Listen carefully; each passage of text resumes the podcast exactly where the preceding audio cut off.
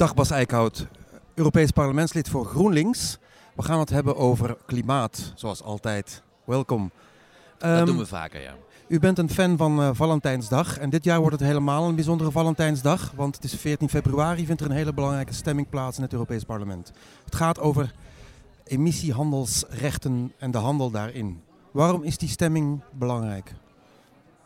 De stemming is vooral belangrijk omdat daarmee eigenlijk eh, Europa gaat besluiten hoe de CO2-prijs zich gaat gedragen tot met 2030. De CO2-prijs, dat moet u even uitleggen. Nou, eh, we zijn heel erg voor de vervuiler betaald. Dus als je CO2 uitstoot, dan zou je eigenlijk, hè, dat veroorzaakt klimaatverandering. Dus het idee is dat je een prijs op CO2 zet, zodat gewoon er een prikkel komt voor bedrijven om minder CO2 uit te stoten. Precies. Nou, dat wordt in Europa geregeld met het emissiehandelssysteem.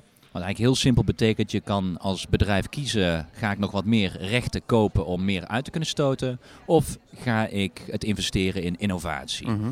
Nou, dat betekent natuurlijk wel dat die prijs omhoog moet. Die moet wel iets doen. Het moet wel een interessante keuze worden voor innovatie. Die is Ja. te laag nu. Die is op dit moment ligt de prijs rond 5 ton CO2. Of 5 euro per ton CO2. En ter vergelijking, een bedrijf als Shell, niet altijd eh, vriend van GroenLinks, die werken intern met een prijs van 40 tot 50 euro per ton CO2, omdat ze dat nodig hebben om bijvoorbeeld CO2-opslag te financieren. Juist. Dus dat, is een factor, prijs dat is een factor 10 hoger waar eigenlijk Shell behoefte aan heeft. Nou, dan kun je dus nagaan hoe laag op dit moment de prijs in Europa is. Hoe komt dat, dat die prijs zo laag is? Eh, dat komt eigenlijk door twee dingen. Ten eerste eh, natuurlijk de economische crisis die we achter ons hebben gelaten. Waardoor er eh, heel veel rechten die in het systeem zijn gekomen niet gebruikt zijn. Want de bedrijven stoten veel minder uit dan verwacht. Nou, daardoor is er, eh, is er helemaal geen schaarste opgetreden. En is er eigenlijk gewoon een, een, een, een overschot aan rechten gekomen. En de andere reden is dat wij in het verleden gewoon te veel gratis rechten hebben weggegeven aan bedrijven. Dit heeft te maken met het punt van dat een, we angst hebben dat bedrijven die internationaal concurreren, dat die, dat die een nadeel zouden hebben dat zij voor C2 moeten betalen. Hè? Een staalbedrijf bijvoorbeeld en een niet-Europees bedrijf niet. Oneerlijke concurrentie. Dus hebben we besloten om rechten gratis weg te geven. Maar ja, dat, we hebben veel te veel gratis rechten weggegeven. Waardoor er nu dus eigenlijk, we hebben een systeem. Je kan het vergelijken met een weiland dat onder water staat. En Mhm. we zijn eigenlijk nog steeds water erbij aan het eh, gooien. In plaats van het eruit te pompen. In plaats van een beetje eruit te pompen, zodat je schaarste krijgt. En dat wil het Europees Parlement dus nu proberen te gaan doen om iets te, te, te stemmen, waardoor wetgeving te stemmen, waardoor eh, dat water wordt weggepompt. E- ETS-rechten uit de markt worden gehaald? Of gaat dat, is dat te optimistisch? Nou, dat ligt wel voor in ieder geval. Dus eh, als je nu gaat kijken naar waar de stemming over gaat in op Valentijnsdag, dat, dat is dus een hervorming van het emissiehandelssysteem, wat echt intreedt in 2021 en voor dan die 10 jaar zou moeten gaan duren. Dus we zijn echt met beleid bezig voor 2030. En een van de voorstellen die voor ligt, is om een miljard rechten uit het systeem weg te halen. Dat is gigantisch. Dat klinkt heel veel, maar als je great, zou de grote twitteraar er zeggen. zou iemand great roepen, maar zei niet dat we een overschot hebben waarschijnlijk rond die periode van 2,5 miljard. Mm. Dus, dus dat geeft wel aan dat het ook echt wel een hoognodige correctie is. Mm. Eh, en dit was, eh, er ligt nu eigenlijk een compromispakket voor waarin er slechte dingen zitten en er zitten goede dingen in. Maar een van die goede dingen wat mij betreft is wel dat er dus echt een miljard rechten uit de markt worden gehaald. Maar het weiland zal dan nog steeds half onder water staan.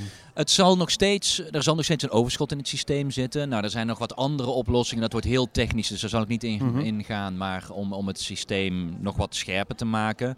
Eh, maar nee, we zullen nog steeds wel een overschot aan rechten hebben. Dus die prijsverwachting, ja, echt boven de 30 euro per ton CO2 gaat het niet komen. Maar het gaat in een goede evolutie als dit wordt goedgekeurd. Dus. Als, als dit pakket zou worden goedgekeurd, hebben we echt wel een prijs die omhoog gaat. En er zal dus meer prikkel voor innovatie komen. We zijn nu een jaar na de, Parijs, eh, de verklaring van Parijs. Waarom is deze ETS-hervorming zo belangrijk voor dat klimaatakkoord? Omdat het eigenlijk het enige C2-beleid is, dus het enige klimaatbeleid dat wij voor de Europese industrie hebben. Dus eh, we praten heel veel over klimaatbeleid en iedereen na Parijs zei natuurlijk eh, hoe belangrijk dat was. Maar we hebben op dit moment hebben we klimaatbeleid, maar dat stopt in 2020. Juist. Dus ja, als we iets willen na 2020, dan zullen we dit beleid moeten herzien. En dit, zal echt de dit is eigenlijk het grootste beleidsterrein dat op de Europese industrie zijn uitwerking zal hebben. Dus ja, ongelooflijk belangrijk. Juist. Je bent uh, namens de Groenen de, de, onderhandelaar geweest over dit uh, dossier. Ja. Um, wat heb je gezien, de gebruikelijke lobbying die rond dit soort belangrijke dossiers plaatsvindt? Ja, wat, heb je, wat heb je zien gebeuren? Is, wat is je gevoel erover? Het is echt weer gigantisch. En, en ik heb het gevoel dat het meer wordt dan, dan dat het nog steeds meer wordt. De bedrijfs, bedrijfslobby, ja? die, die is echt gigantisch. Je wordt, de deur worden platgelopen. En we hebben nu een redelijk oké pakket waarin redelijk wat industrie ook tevreden is. Dus je zou zeggen, we hebben een goede balans gevonden. Maar in die balans hebben we wel één sector heel duidelijk eruit gehaald. En dat is de cementsector. Aha. Die cementsector heeft ook steeds gratis rechten tot 2020. Terwijl we allemaal weten dat hij die, die niet nodig heeft. Hmm. Ten eerste, uh, hoeveel cement importeren wij uit China? Ja, internationaal transport van cement is niet zo groot. En ten tweede, bij cement kun je het veel, veel, veel beter andere maatregelen doen om een beetje de grens te beschermen. Je kan bijvoorbeeld een belasting aan de grens heffen, zodat je precies weet als er cement van buiten komt dat die een gelijke prijs hebben. Uh, dan gratis rechten weggeven. Dus wij hebben ervoor besloten in ons pakket om te zeggen, naar cement, jullie gaan een ander iets doen en we gaan niet meer gratis rechten weggeven. En dat zou schelen 1 miljard gratis rechten in de periode 2020 tot en met 2030. Dus dat is veel. Niet onaanzienlijk inderdaad. Dat heeft heel groot effect als wij dus wel of niet cement gratis rechten blijven geven. Maar de cementindustrie wordt ongelooflijk zenuwachtig en die zijn nu elke dag parlementariërs aan het bellen, langskomen. ze organiseren allerlei debatten in het parlement op dit moment om aan te geven dat ze heel erg hard getroffen worden. En als je het hebt over alternative facts, een van de claims die ze zelfs deden in een event laatst was dat deze maatregel 20 cementfabrieken zouden doen sluiten in Europa. Doe maar. Ja, dat is op geen enkel onderzoek gestaard, maar op dit moment is het echt hmm. paniek en probeert men allerlei onzin de eter in te blazen. Uh, en daar worden parlementariërs zenuwachtig van. Dus dit wordt een spannende stemming in. Uh, Waarom in worden daar zo zenuwachtig van? Vanwege de, de dreigen met job, jobverlies, baanverlies. Ja, een bedrijf dat aanklopt en zegt: als u dit instemt. En die hebben het hele historie niet meegekregen. Dus die weten niet precies hoe het pakket in elkaar zit. Maar er staat wel één sector aan de deur te rammelen. En die zegt: het is verschrikkelijk voor ons. Ja, dan krijgen die het gevoel: misschien moeten we dat dan maar eruit halen. Maar als je dat doet, dan valt het hele pakket uit elkaar. Dus. Hmm.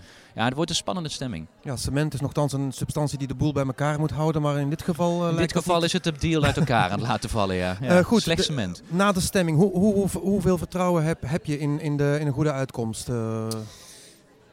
Ja, het is eigenlijk heel simpel. Als de mensen zich aan de deal houden die we hebben afgesproken... Mhm. dan zou het gewoon ook door deze plenaire stemming goed moeten gaan. Maar zoals altijd is er één partij die terugkomt op de deal, terwijl ze beloofd hadden aan deze deal vast te houden. En dat zijn de Christendemocraten. Christendemocraten zijn echt weer aan het terugkrabbelen. En zoals altijd, zodra er een bedrijf is dat, dat gaat klagen, worden ze zenuwachtig. Ja, en, en als de Christendemocraten gaan terugkrabbelen, het blijft ook een grote fractie. Want er zijn nog steeds heel veel mensen die de Christendemocratie stemmen in Europa. Je vraagt je soms af waarom. Maar ze doen het wel. En je ziet nou dat het ook effect heeft op de andere fracties. Dus op dit moment ben ik eigenlijk bezig om dagelijks collega's ervan te overtuigen om het aan die deal te houden. En eigenlijk de lobby even te negeren. En wordt een spannende stemming. Dat is gewoon, uh, het is nu ja, too close to call. Oké.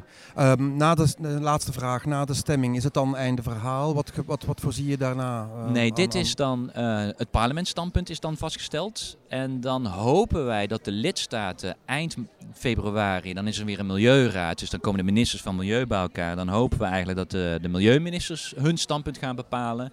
En als dat zo is, dan beginnen de onderhandelingen tussen, tussen lidstaten en parlement. En dat gaat nog wel even duren, want het parlement zit er eigenlijk, eigenlijk, als we deze deal overeind houden, hebben wij een heel progressief akkoord.